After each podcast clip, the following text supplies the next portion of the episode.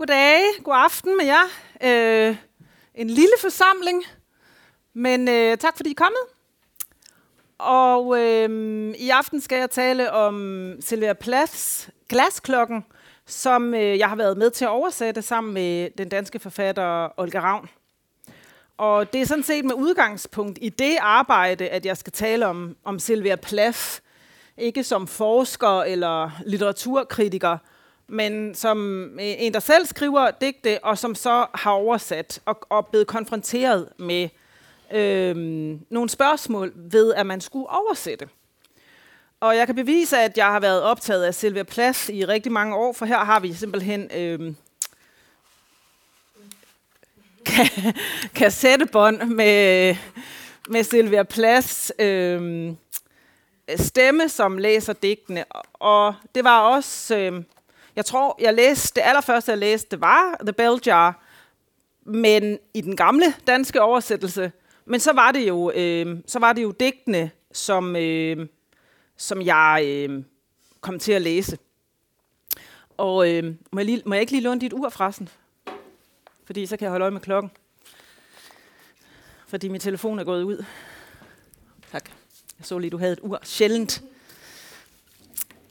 Øhm, så jeg tænkte faktisk lidt, at, øh, at vi godt kunne prøve at starte lidt i, i digtene, selvom at det er romanen, vi skal ende med. Øh, jeg tænker, at øh, I nok ved en del om Sylvia Plath, øh, jeg som er kommet, øh, at hun øh, jo levede fra 1932 til 63, og øh, som altså og ligesom havde skrevet øh, havde skrevet The Colossus som var udkommet i 1960, øh, og også andre ting, øh, et, øh, et stykke teaterstykke, øh, da hun øh, døde. Efter sin død er hun også blevet øh, kendt for sine, øh, for sine øh, dagbogsnotater i meget høj grad. Og det specielle ved det her forfatterskab er jo også, at der bliver ved med at komme nye Sylvia Plath-tekster øh, frem. Øhm, det er ikke så lang tid siden, der kom nogle nye breve, som man ikke havde kendt før. Og der, øh, der, der, der kom for nylig også en øh, novelle frem, som man ikke havde set før, hvilket har at gøre med hendes mand, Ted Hughes, at han, da hun døde, fik overladt øh, rettighederne til hendes øh, forfatterskab. Og det er, det er sådan set en forsinkelse på det her værks reception, hvis man kan sige det sådan, på grund af det. Det betyder også, at, at vi fik efter hans død den øh, restored edition af, af Ariel, øh, som, som, som, som så var altså den, den, der kom lige efter hendes død, havde han redigeret, men, øh, men så kom der så efter hans død den, hvad skal man sige, hendes egen version øh, i faksimile og det hele, så man simpelthen kunne se, hvordan hun havde efterladt den faksimile af manuskriptet, ikke? hvor man simpelthen kunne se helt præcist, hvordan hun havde efterladt manuskriptet. Og der var jo forskelle i forhold til, hvordan Ted Hughes, som jo også var en, øh, en på det tidspunkt enormt berømt digter, han havde altså lavet det lidt om. Redigeret det. Og i høj grad måske også, hvad angår nogle af hendes andre efterladte ting, mm, ligesom valgt, hvad offentligheden måtte se og ikke måtte se. Øhm, men hun begik jo selvmord, som, som, er, som nærmest er øh, altså en, en, en, nærmest en alt overskyggende information, som, som alle, altså bare man siger ordet Silve, navnet Sylvia Plads, så tænker alle på hendes øh, jo også ganske gruopvækkende øh, selvmord, hvor det vel også er almindeligt kendt, at børnene, hendes to børn, var til stede i rummet ved siden af, øh, da hun begik selvmord. Øh, og øhm, hele den der hele den der familiehistorie har jo også blevet er jo blevet altså enormt overskyggende øh, omkring det. Men altså det som skete det var at hun jo begik selvmord efterlod øh, Ariel manuskriptet øh, som så blev publiceret øh, posthumt og altså øh, det var sådan en måned efter at glasklokken var udkommet at hun døde. Men jeg tænkte faktisk, at jeg lige sådan ville læse, jeg tror måske mit yndlingsdigt, øh, som ikke har så meget med resten af tematikken at gøre, eller har det. Øh, det er det første her, som hedder Morning Song. Nu læser jeg bare for den her. Morning Song. Love set you going like a fat gold watch. The midwife slapped your foot soles, and your bold cry took its place among the elements. Our voices echo, magnifying your arrival, new statue. In a drafty museum, your nakedness shadows our safety. We stand round blankly as walls. I'm no more your mother than the cloud that distills a mirror to reflect its own slow effacement at the wind's hand. All night your moth breath flickers among the flat pink roses. I wake to listen. A far sea moves in my ear. One cry, and I stumble from bed, cow heavy and floral, in my Victorian nightgown. Your mouth opens clean as a cat's. The window square whitens and swallows its dull stars, and now you try your handful of notes. The clear vowels rise like balloons. Som er øh, jo et digt, som omhandler lige at have født øh, øh, et spædbarn, og øh, altså handler om, bog Ariel åbner simpelthen med det her moderskabsdigt. Så er der et andet, som handler om faren, og det er jo nok et af de allermest berømte. Jeg regner med, I kender det. Kender I Daddy? Kan I høre, har I hørt hende selv læse op? Det skal I tage og gå ind på, man kan finde hendes oplæsninger. De findes også på andet end kassettebånd. de findes også på det der, de kalder YouTube. Altså, man kan altså sagtens finde hendes... Gra- altså, hun, hun taler som om... Hun læser op, som om hun talte fra, fra graven, synes jeg. Jeg har altid været meget fascineret af hendes oplæsning. Øhm, jeg læser lidt af det, fordi det handler meget om, om noget af det, som er vigtigt i The Bell Jars. Daddy. Jeg læser ikke det hele, det er et meget langt digt. You do not, you do not do any more black shoe, in which I have lived like a foot for 30 years, poor and white, barely daring to breathe or chew. Daddy, I've had to kill you. You died before I had time, marble heavy, a bag full of God, ghastly statue with one grey toe, big as a Frisco seal, and ahead in the freakish Atlantic, where it pours bean green over blue in the waters of beautiful Norset. I used to pray to recover you, ach du.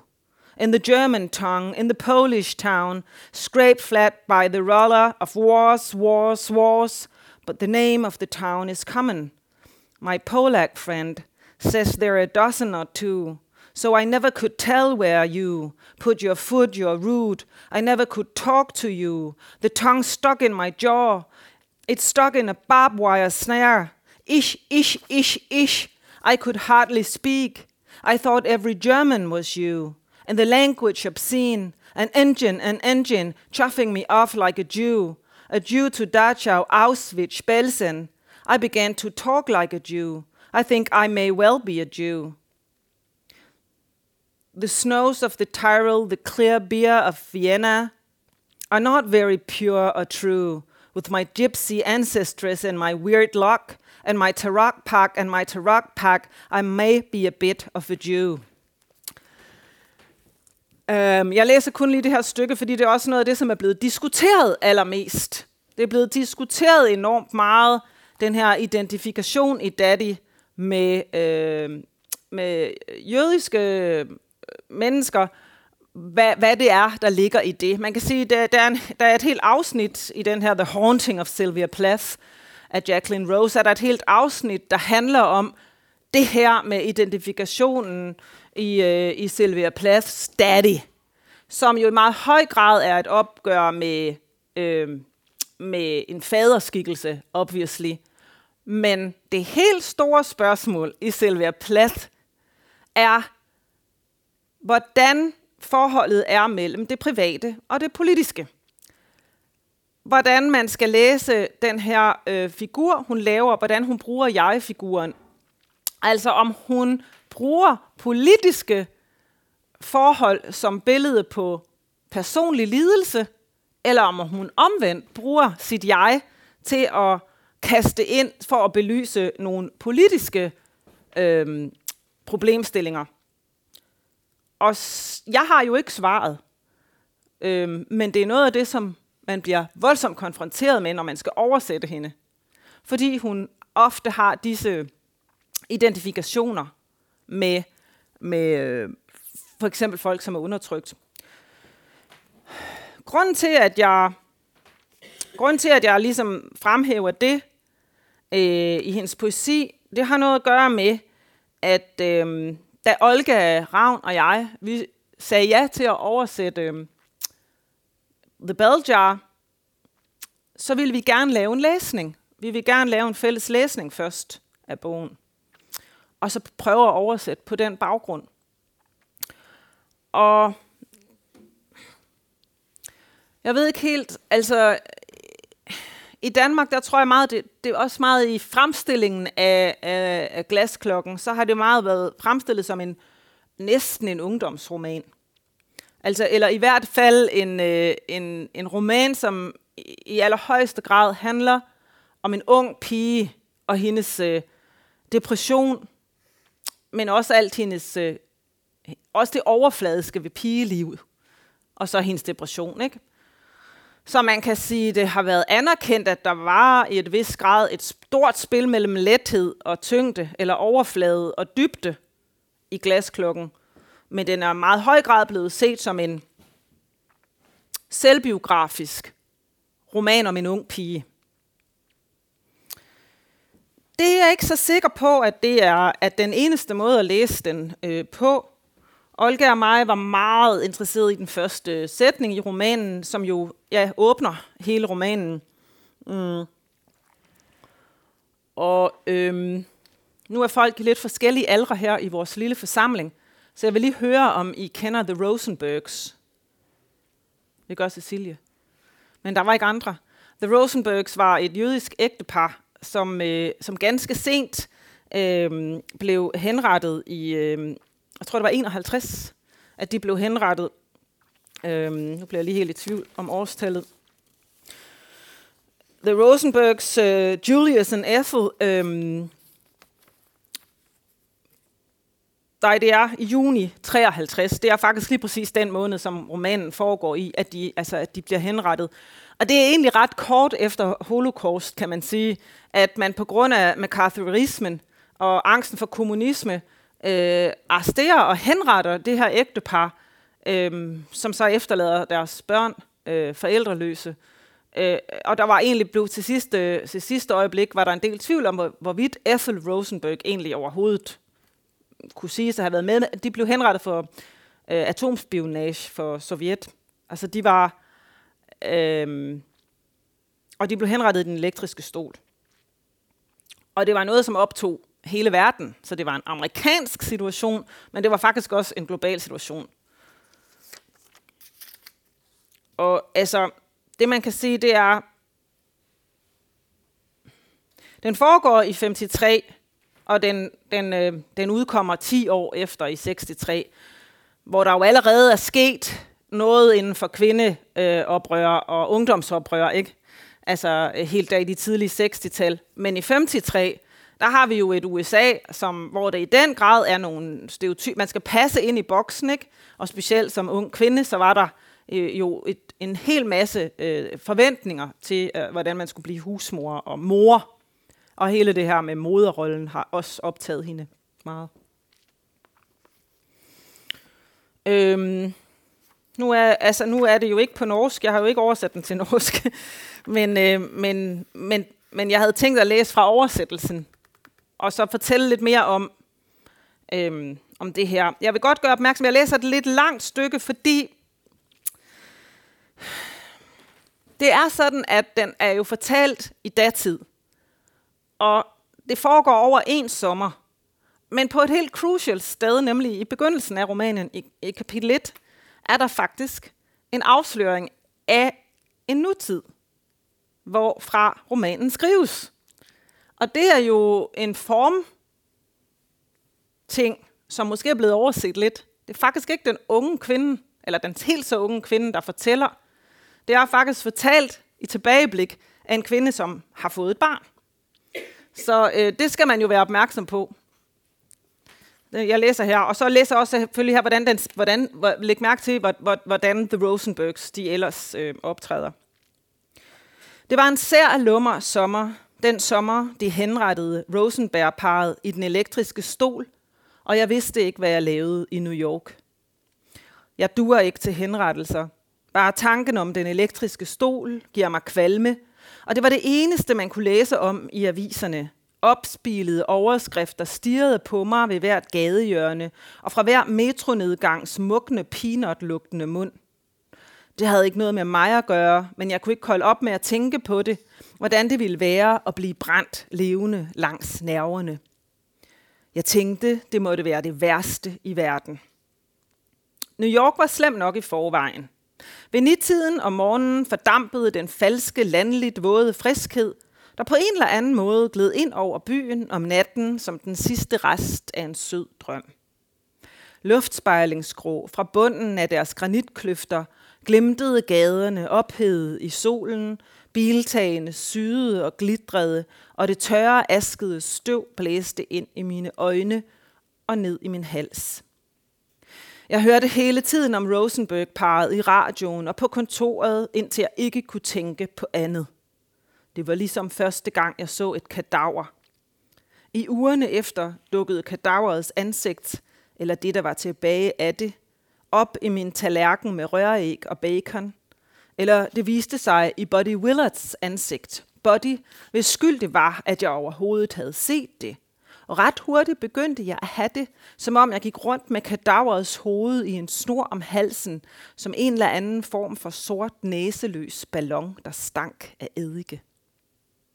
Jeg vidste, der var noget, vejen med mig, i noget i vejen med mig den sommer, for jeg kunne kun tænke på Rosenberg-paret og på, hvor åndssvagt det havde været af mig at købe alt det ubekvemme dyre tøj, som nu hang slapt i mit skab på række som fisk, og hvordan alle de små succeser, jeg så fornøjet havde samlet sammen i college, fusede ud til ingenting foran de glatte marmor- og glasfacader langs Madison Avenue. Det var meningen, at det skulle være den bedste tid i mit liv. Det var meningen, at jeg skulle være genstand for tusindvis af collegepigers misundelse. Piger som mig selv, fra hele Amerika, der ikke ønskede sig andet end at trippe rundt i de samme sorte laksko i størrelse 37, som dem jeg havde købt i Bloomingdales i en frokostpause, sammen med et sort lakbælte og en matchende sort lakhåndtaske. Og da mit billede blev bragt i magasinet, som vi alle 12 arbejdede for, martini-drikkende iført et meget stramt og imiteret sølvlamé korset, hæftet på en stor fed sky af hvidt tyld, på en eller anden stjerneoplyst tagterrasse i selskab med adskillige anonyme unge mænd med sunde amerikanske kæbepartier, hyret eller udlånt til lejligheden, ville alle tænke, at jeg havde det aldeles storartet. Se, hvordan det kan gå i et land som vores, ville de sige.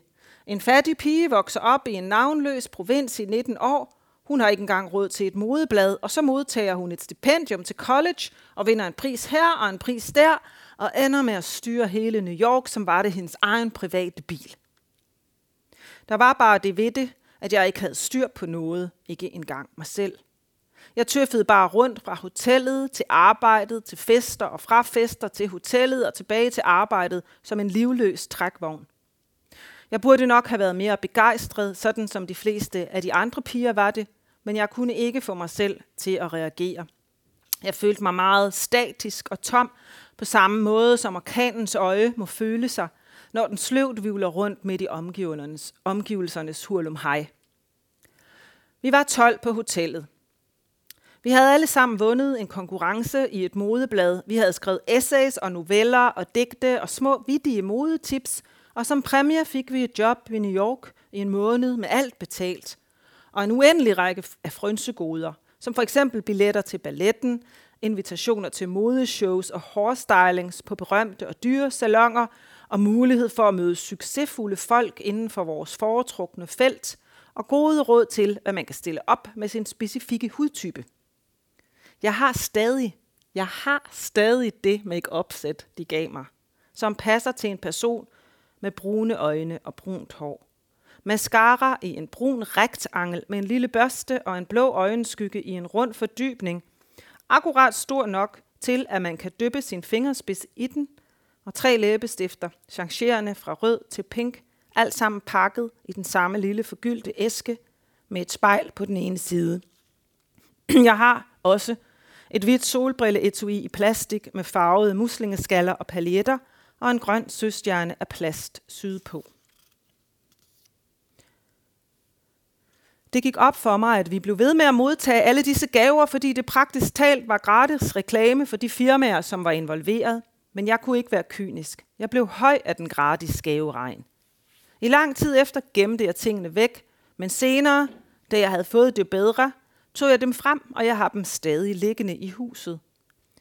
Jeg bruger læbestifterne af og til, og i sidste uge klippede jeg søstjernen af plast af solbrilleetuiet, så babyen kunne lege med den. Ja, så der kan I godt se, at vi har altså allerede i første kapitel to meget vigtige ting.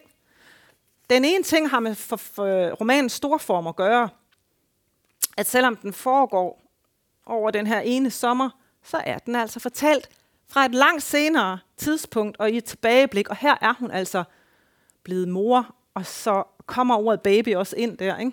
Så det kan I godt se. Men det, man vender ikke tilbage til det siden, og derfor bliver det nogle gange overset. Det andet er The Rosenbergs, som man også møder mange gange senere i romanen. Og øhm, det er jo noget, som bliver anslået allerede i første linje, og så lidt senere igen. Altså det, op, det nævnes tre gange i løbet af de første to sider, øh, at det eneste, hun kan tænke på, er Rosenberg-paret. Hvilket er jo lidt af et, en markør, kan man sige, i en romans begyndelse. Øh, øh, altså en, en så markeret henvisning til en, øh, en henrettelse i midt i den her amerikanske drøm, som hun jo også adresserer. Tænk, hvad der kan ske her i sådan et land, i det her land, ikke? En ung pige på 19 oplever alt det her, men samtidig er det altså også det her land, hvor Rosenberg-paret bliver henrettet. Der er jo så det i romanen, at den elektriske, øhm, den elektriske stol bliver metonymisk forbundet med øh, elektroschok, som, øh, som, som hun da hun bliver, hun bliver det er en det er en enormt stringent opbygget roman på 20 kapitler. Om, og, og faktisk præcis midt i sker der et ret vildt skift. Altså det går jo dårligt fra starten af, som vi nok fornemmer. PS, parentes, jeg skal lige nævne. Er det ikke ret vildt, at hun får installeret den her voksne jeg-fortæller via den der øh, sådan en lille box make-up, med sådan, hvor der både er øjenskygge og læbestifter i. I kender dem godt. Yves Saint Laurent havde dem. Sådan, nogle, hvad hedder, øh, sådan en lille make-up sæt i et, ikke? Altså, det, det er sådan den der. og det er også nok derfor, der er mange, der ikke tager det alvorligt. Hun kommer ind gennem læbestift. Men det er meget typisk for den her roman, at den tager alle de ting, som vi forbinder med overflade, tøj, make-up, glitter, og så er der det her fuldstændig bundløse dyb under det. Altså, det er meget spændende, den måde, hun bruger overflade og dybde på. The Rosenbergs, jeg siger, jeg påstår, når det bliver gjort på den her måde, så kan man ikke reducere det til, at hun bruger øhm, The Rosenbergs som billede på sin egen personlige smerte. Det, det, bliver, det, bliver, det, bliver en, det bliver et anslag på en roman, som ganske vist er et portræt af en enkelt person, men som på mange måder rækker ud til ting, som sker i verden. Og det er ellers også på mange andre måder en samfundskritisk roman. Det kan man i meget høj grad se på dens kønsskildring. Buddy, Buddy Williams, som vi lige øh, hørte nævnt, er jo hendes øh, utro kæreste, som senere bliver syg. Og han er, han er en af de mange sådan lidt komiske figurer, eller komi, tragikomiske figurer. Hun er jo, det er jo en roman, som udmærker sig ved, at persongalleriet er helt fantastisk. Altså, mm, ja. Men det, det, det, det, det, det er altså, jeg vil godt sige, altså, det er en mere kompliceret roman end som så. Det er også tydeligvis en roman, som fra første linje, fra første sætning, gør opmærksom på en stor politisk problematik. Øhm, og det er også en problematik, som peger tilbage på, øhm, på 2. verdenskrig. Fordi det netop er The Rosenbergs. Øhm, og der kan man så sige, at hun identificerer sig vel ikke med dem på den måde, men hun laver den her forbindelse mellem den elektriske stol og elektroschok.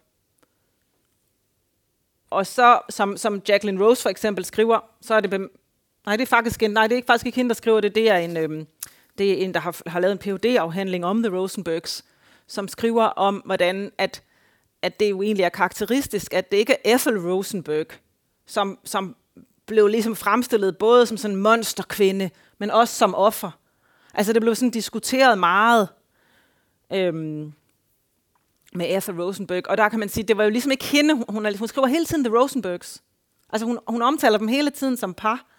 Så det er altså selve det, at de blev henrettet. Ikke det, at den ene var en kvinde, der synes at optage hende. Øhm, ja.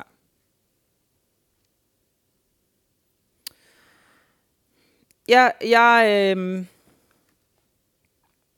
jeg siger ikke, at hun gør, jeg siger ikke, at hun gør det uden at, altså, som vi også kan høre i Daddy, altså de her, den her problematik med, hvordan hun bruger jeget, altså om hun bruger, øh, hendes jeg-figur er tit meget speciel.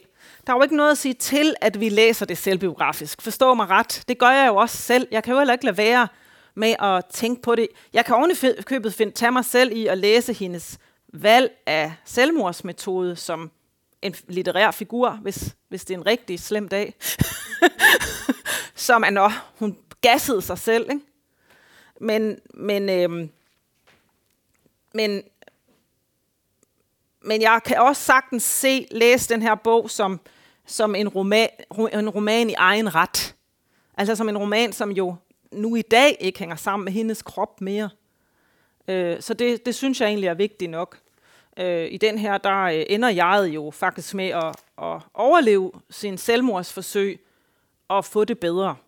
Men man kan også sige, at det der få det bedre, er sådan lidt ambivalent. Fordi det, at hun får det bedre, det får, hun får det bedre via elektroschok. Og nu er hun så parat til at blive mor.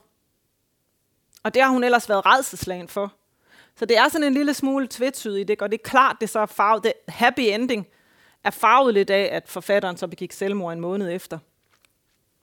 Men, øh, men altså, det er rigtig spændende det der med hendes øh, jeg-figur, og det er jo også noget, som, det er også noget, som man kan sige, øh, hendes dagbøger, dem har jeg været meget glad for at læse også.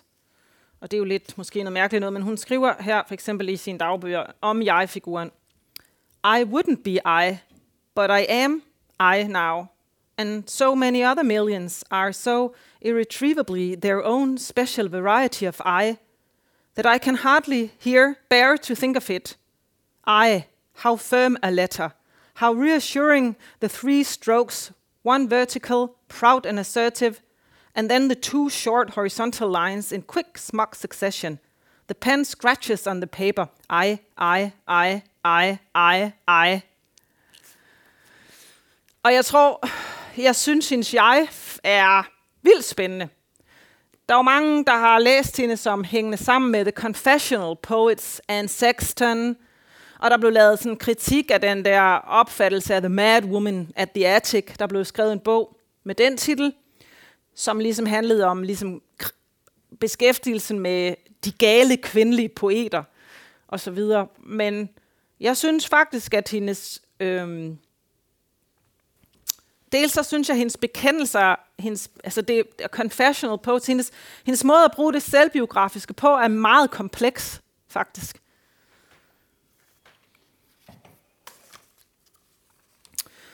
Øhm, jeg vil sige en lille smule mere om, om, om romanens opbygning. Den, den har som sagt præcis 20 afsnit og en slags midterdeling, som, øh, som faktisk også var noget, vi, øh, vi snakkede rigtig meget om i vores oversættelsesproces. Først så vil jeg lige sige, at her i kap- altså kapitel 9, kapitel 9 leder er et meget vigtigt kapitel. Det leder jo op til kapitel 10, hvor det bare er helt af helvedes til. Altså fra kapitel 10, der er det ligesom, der sker det der skift. Hun er altså i New York og prøver at agere i det her øhm, fashion space. Og selvom hun har det dårligt, så bliver hun ligesom ved med at prøve og interagere med de andre piger osv. Men, men efter kapitel, men, men fra da kapitel 10 begynder, så går det bare bræt ned ad bakke. Der blev hun så også øh, nødt til at tage hjem til sin mor. Øhm, og så blev hun indlagt på, øh, på et psykiatrisk hospital og prøver at begå selvmord. Så derfor så er det sådan, derfor jeg siger, at det er sådan helt tvedelt. I kapitel 9, jeg skal måske lige sige, at Olga og mig, vi, vi er faktisk oversat hver andet kapitel. Øh, og så bagefter gennemskrev vi hinandens kapitler. Øhm, det var ikke en, det var ikke en munter tid. meget voldsom roman at opholde sig i, og det er en meget øh, voldsom tematik at snakke om. Men det her afsnit, det, det chokerede os faktisk. Jeg kan huske, det var mig, der startede med at oversætte det. Så har hun selvfølgelig været inde over os. Øhm, men øhm, det chokerede os faktisk lidt, hvad der skete i det. Så jeg læste lidt nogle bidder i det. Det første vil jeg læse, fordi at det også handler om The Rosenbergs igen. Dem har vi ellers ikke hørt om et stykke tid. Og Hilda, som vi møder her, er altså en af de andre piger, som er de en af de andre 12 piger. Jeg er så glad for, at de skal dø. Hilda strakte sig som en kat og gabte, gemte hovedet i sine arme på mødebordet og faldt i søvn igen. En dusk af gallegrønne strå balancerede på hendes pande som en tropisk fugl. Gallegrøn. Farven skulle lanceres til efteråret, men Hilda var som sædvanligt et halvt år forud. Gallegrøn med sort, gallegrøn med hvid, gallegrøn med nilgrøn, den snære slægtning. Modereklamer, sølvblanke og fulde af ingenting, sendte deres lette bobler op i min hjerne. De steg op til overfladen med et hult plop. Jeg er så glad for, at de skal dø. Jeg forbandede det tilfælde, som havde fået min ankomst i hotellets kafeteria til at falde sammen med Hildas. Efter en lang aften følte jeg mig for sløv til at udtænke en undskyldning, der kunne føre mig tilbage til mit værelse efter den handske, paraply eller notesbog, jeg havde glemt. Straffen var den lange, dødkedelige gåtur fra The Amazons materede glasdøre til den jordbærrøde marmorentré på Madison Avenue. Hilda bevægede sig som en mannequin hele vejen. Sikke en skøn hat. Har du selv lavet den? Jeg forventede halvt om halvt, at Hilda ville vende sig om og sige, du lyder syg. Men hun strakte og bøjede bare sin svanehals. Ja. Aftenen forinden havde jeg set et skuespil, hvor heldinden var besat af en dibuk, og når denne dæmon talte fra hendes mund, lød den så mørk og dyb, at man ikke kunne høre, om det var en mand eller en kvinde. Hildas stemme lød præcis som den dibuks stemme. Hun stirrede på sit spejlbillede i de skinnende butiksvinduer, som ville hun hvert øjeblik forsikre sig om, at hun stadig eksisterede. Tavsheden mellem os var så rungende, at jeg tænkte, at det delvist måtte være min skyld. Derfor sagde jeg, er det ikke forfærdeligt det med Rosenberg-paret? Ægteparet Rosenberg skulle henrettes i den elektriske stol sent samme aften. Jo, sagde Hilda, og jeg følte, at jeg om sider havde rørt ved en menneskelig streng i hendes kattehjertes snoreleg. Det var først lidt senere, da vi ventede på de andre i mødelokalets gravlignende morgenskumring, at hun uddybede sit jo. Det er forfærdeligt, at sådan nogle mennesker findes. Så gabte hun, og hendes blege orange mund afslørede et stort mørke. Jeg stirrede fascineret på det blinde hul bag hendes ansigt, indtil de to læber mødtes og bevægede sig, og dibukken talte fra sit skjul. Jeg er så glad for, at de skal dø. To veninder ude og hygge sig.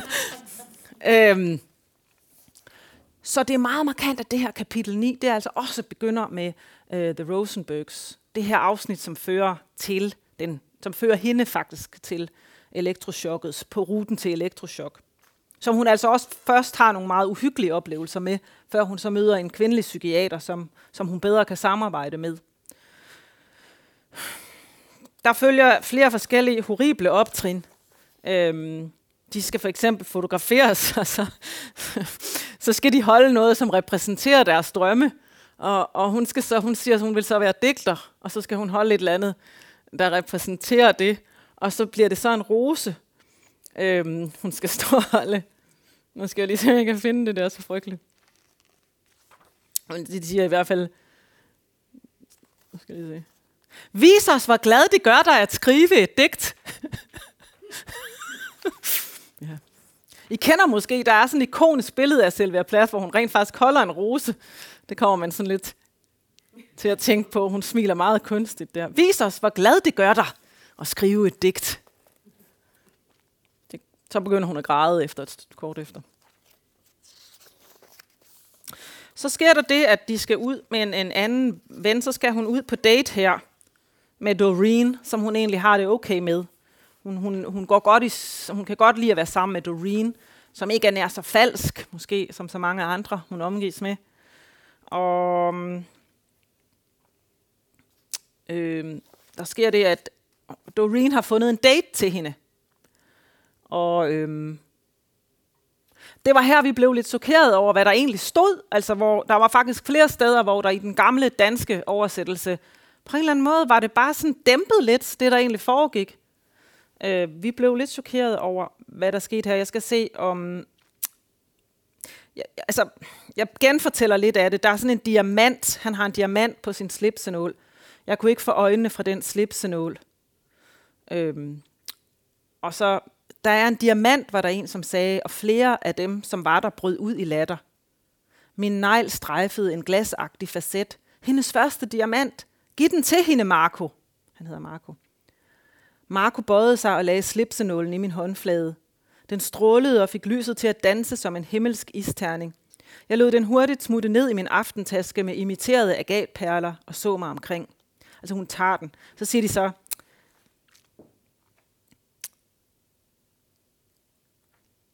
Heldigvis, siger han, skal jeg ledsage damen resten af aftenen. Måske Gnisten i Markus øjne blev slukket, og de sortnede. Kan jeg yde en lille service? Nogen lå, som er en diamant værd. Hånden omkring min arm trykkede til. Au! Marco fjernede sin hånd. Jeg så på min arm. Et rødligt tommelfingeraftryk kom til syne. Marco jagtog mig. Så pegede han på undersiden af min arm. Se der. Jeg kiggede og så fire svagere tilsvarende aftryk. Som du ser, mener jeg, det er alvorligt. Markus lille flakkende smil mindede mig om en slange, jeg havde drillet i Bronx Zoo. Da jeg bankede med fingeren på burets tykke glas, åbnede slangen sine velsmurte kæber og så ud til at smile. Så huggede og huggede og huggede den mod den usynlige rude, indtil jeg gik derfra. Jeg havde aldrig mødt en kvindehader før. Hun bruger simpelthen ordet øh, kvindehader om, om Marco, Øhm, og så, øh, så fortsætter deres aften, og hun bliver på et tidspunkt alene med Marco ret, i et ret øde sted. Og man var sådan, han er en kvindehader, han er aggressiv og truende over for hende. Øhm, og de har altså den her diskussion, hvor hun finder ud af, at han er, han er ulykkelig forelsket i sin kusine, som skal være nonne. Og så siger hun så, øh, hvis du elsker hende, så vil du en dag elske en anden. Markus smed sin cigar fra sig og trådte på den. Jorden steg op og ramte mig i et blødt chok. Mudder splattede ud mellem mine fingre. Marco ventede til jeg havde rejst mig halvt op. Så lagde han begge hænder på mine skuldre og skubbede mig tilbage. Min kjole! Din kjole! Mudderet tog form efter mine skulderblade. Din kjole! Markus ansigt sank for mørket ned over mit. Nogle spytdråber ramte mine læber. Din kjole er sort, og mudderet er også sort. Så kastede han sig med ansigtet nedad, som, som om han ville mase sin krop gennem mig og ned i mudderet. Nu sker det, tænkte jeg. Nu sker det.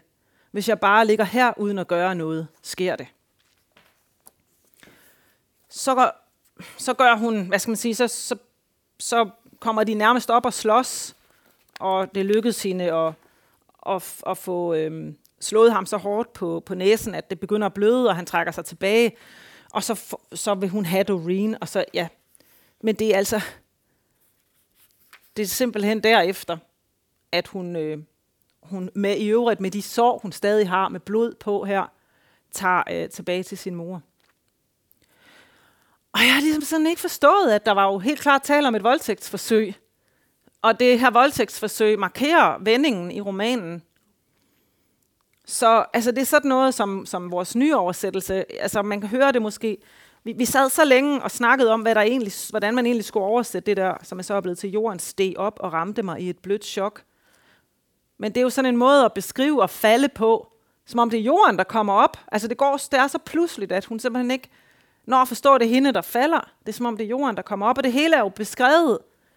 Lidt sådan, der blev ikke sagt, men alligevel, hvor meget tydeligere kan man sige det, ikke? hvis jeg ikke gør noget. Hvis jeg bare ligger her uden at gøre noget, sker det. Altså det er jo de tanker, al, altså alle kender. Ja, og så sker der den her vending, øhm, hvor at, altså, det er, så vil jeg så, altså, så vil jeg ikke læse mere op fra den. Jeg vil bare sige, at, at der udvikler sig nogle enormt spændende øhm, parallelfigurer til vores hovedperson. Øh, der er for eksempel Joan, som, som ligesom er, er, en, er en lesbisk øh, kvinde, som, som til at begynde med ligesom på sådan en lidt stalkeragtig måde næsten har identificeret sig med, med Esther, med vores hovedperson. Og så, og så, så spejler, altså det, det bliver sådan en spejlingsfigur, altså det er sådan en dobbeltgængerfigur næsten, eller sådan en spejlfigur, som også er et enormt litterært greb. Øhm, og der igen, altså gennem det hele, så spejler Esther sig helt konkret i nogen, som bliver andet gjort mere end hende selv. Men samtidig kan hun også blive rasende på Johan. Øhm. Så, altså, så Johan-figuren er også enormt spændende. Øhm.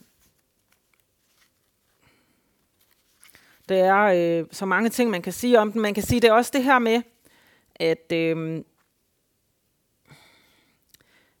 den, et af de store spørgsmål er også, om man skal se den som en dannelsesroman eller en kunstnerroman. Man kan altså sige, at det er en roman, som handler om en ung piges dannelse, ovenkøbet en selvbiografisk en af slagsen, eller er det en roman, som handler om sin egen tilblivelse, eller om hvordan en, en forfatter opstod.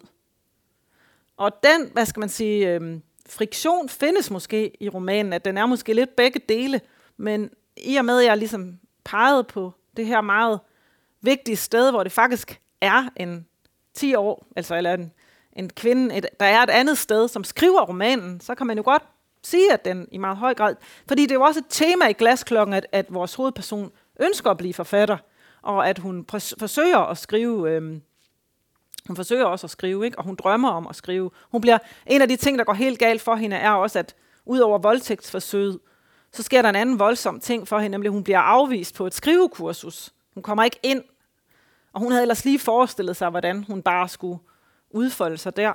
Så, så, så det er også en drøm, der, der brister for hende der, og den handler faktisk meget om at skrive. Så på den måde, så kan man godt sige, at den er, har klar træk af kunstnerromanen. Det vil jeg i hvert fald argumentere for. Den kom altså i, først i USA under, øh, under eller først i England i, under øh, pseudonymet øh, først i USA under øh, pseudonymet Victoria Lucas, og så senere i England. De, hun boede jo i England, da hun døde. Og øh, så har der jo været de her fuldstændig afsindige øh, slåskampe om, hvem hendes skrift tilhører, som fortsætter, øh, kan man sige. Øh, det er jo en tragisk, øh, det er jo en tragisk øh, historie. Ted Hughes har jo også nok ønsket at beskytte børnene, etc. Men, øh, men, men man kan sige, at det er en redigerings, øh, et redigeringsraseri, som simpelthen har været så sindssygt, at den der er foregået på hendes gravsten, hvor, øh, hvor, hvor der simpelthen er personer, der har hakket Hughes af, altså fjernet Hughes fra gravstenen, sådan at der kun stod Sylvia Plath. Det er faktisk sket flere gange. Det er ret vildt, ikke? Så der, det siger lidt om, hvor, hvor ekstrem kampen om Sil- Sylvia Plasts navn, øh, men også om hendes skrift har været. Øh, der har været et kæmpe raseri mod Ted Hughes, og nogle af de her, som så han skrev så en bog, der hed The Birthday Letters, hvor han så skrev om deres forhold og sådan noget. Ikke? Og han var jo en langt større forfatter, dengang de begge to, da de levede sammen, der var han ligesom the hotshot. Men, men i dag er det jo nok ligesom Sylvia Plath, der er det største navn. Men øh, de her breve, som er kommet frem for nylig, de skulle så afsløre yderligere voldelige sider af relationen og sådan noget. Ikke? Så det er nok ikke slut med de her debatter omkring øh, Ted Hughes og Sylvia Plath. Øhm, Olga Ravn og, og, og jeg havde begge to læst øh, romanen, da vi var på samme alder. Det er vi jo ellers ikke. Der er 17 år mellem os. Og vi, vi, vi, vi, havde, men vi havde begge to læst den i en ret tidlig teenage-alder. Og den havde betydet rigtig meget for os begge to. Men Olga, hun havde også, vi, havde, vi snakkede meget om det der med, at vi også begge to havde lagt mærke til latteren i romanen.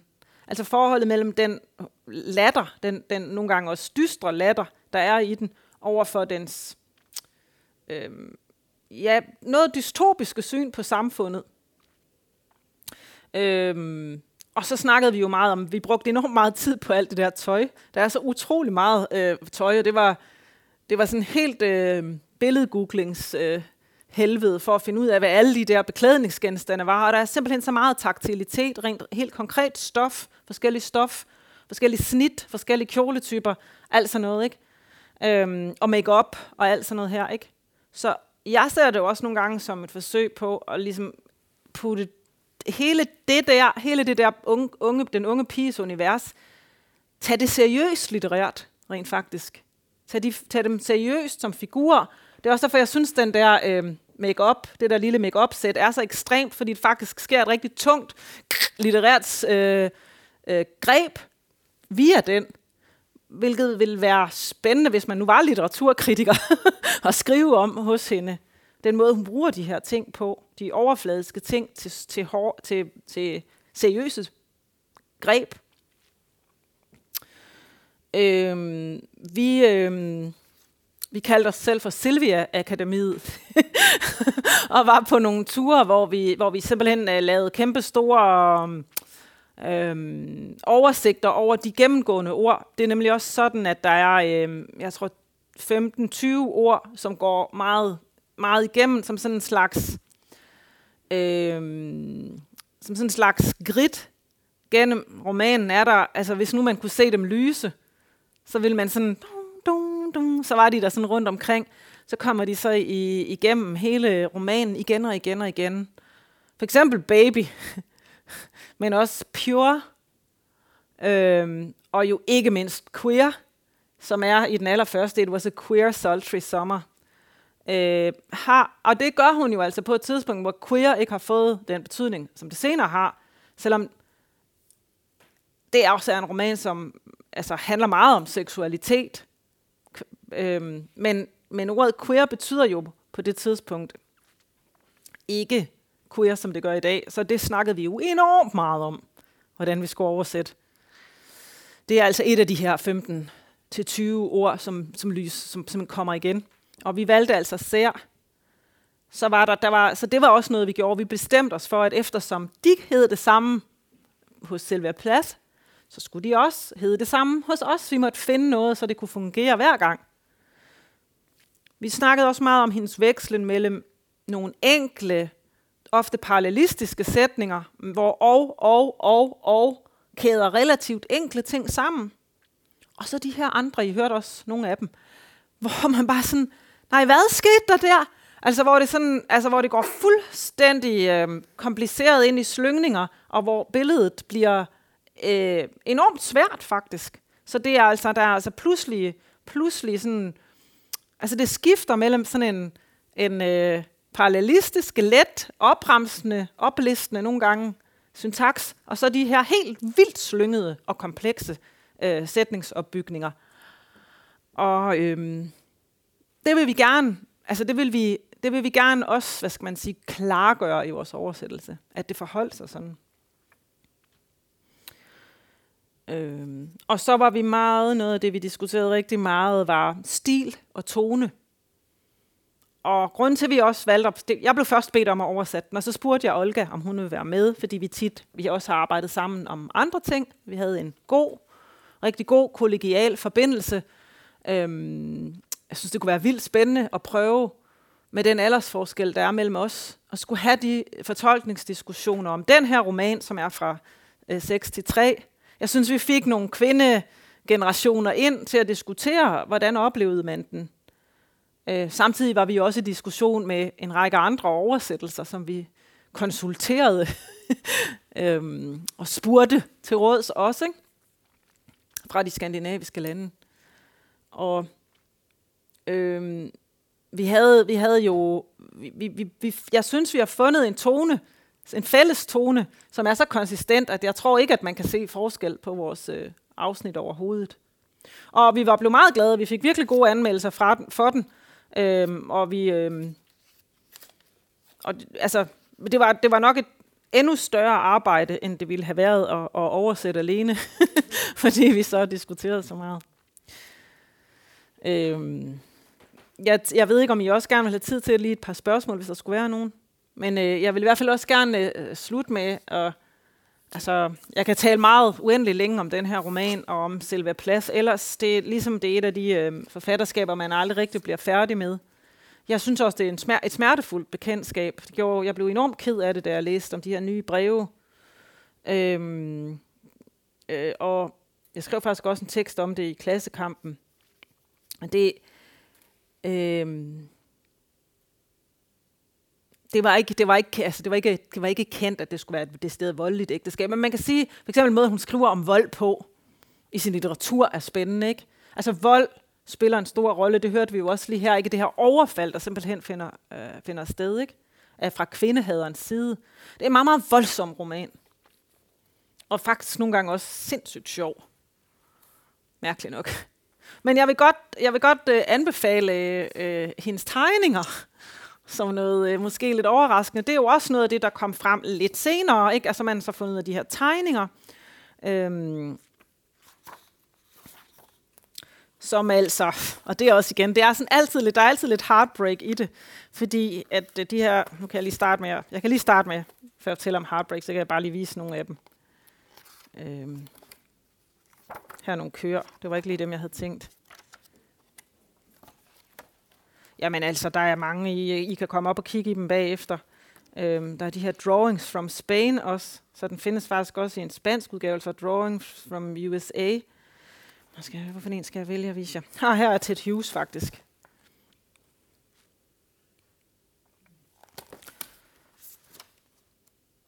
Men hun tegner faktisk meget ofte øhm, små ting.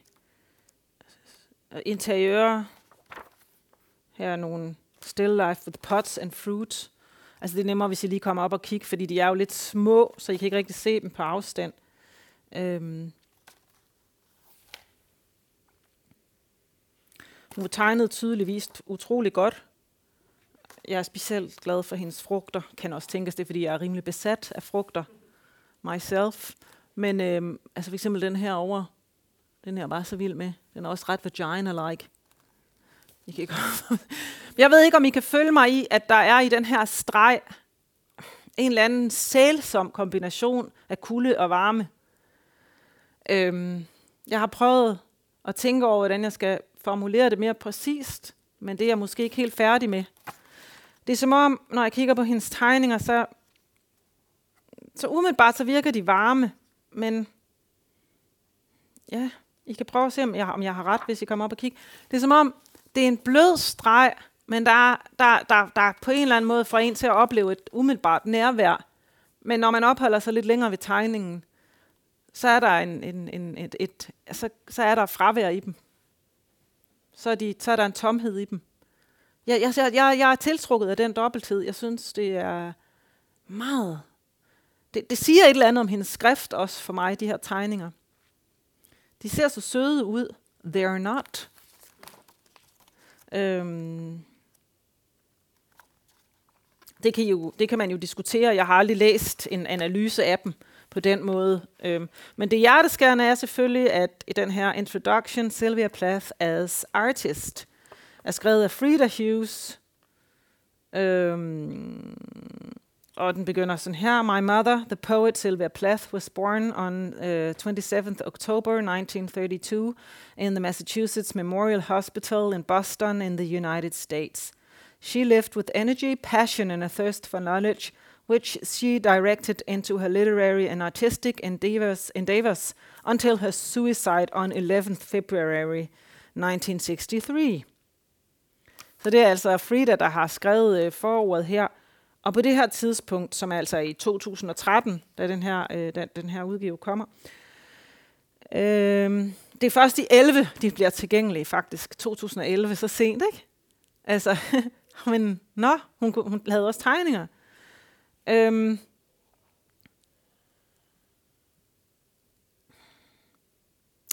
det, det, det, da faren døde, da Ted Hughes døde, så, så fik børnene tegningerne, og Frida og, og broren Nicholas delte tegningerne mellem sig. Og som hun så skriver her, øhm, Although my father had divided the drawings between us, my brother asked that I keep them together and look after them until we could, in the fullness of time, organize an exhibition for them. But life got in the way and the years passed, and then tragically, on 16th March 2009, my brother also committed suicide. It wasn't until November 2011 that the drawings finally went on show to be sold on the Mayer Gallery, blah, blah. Frida Hughes.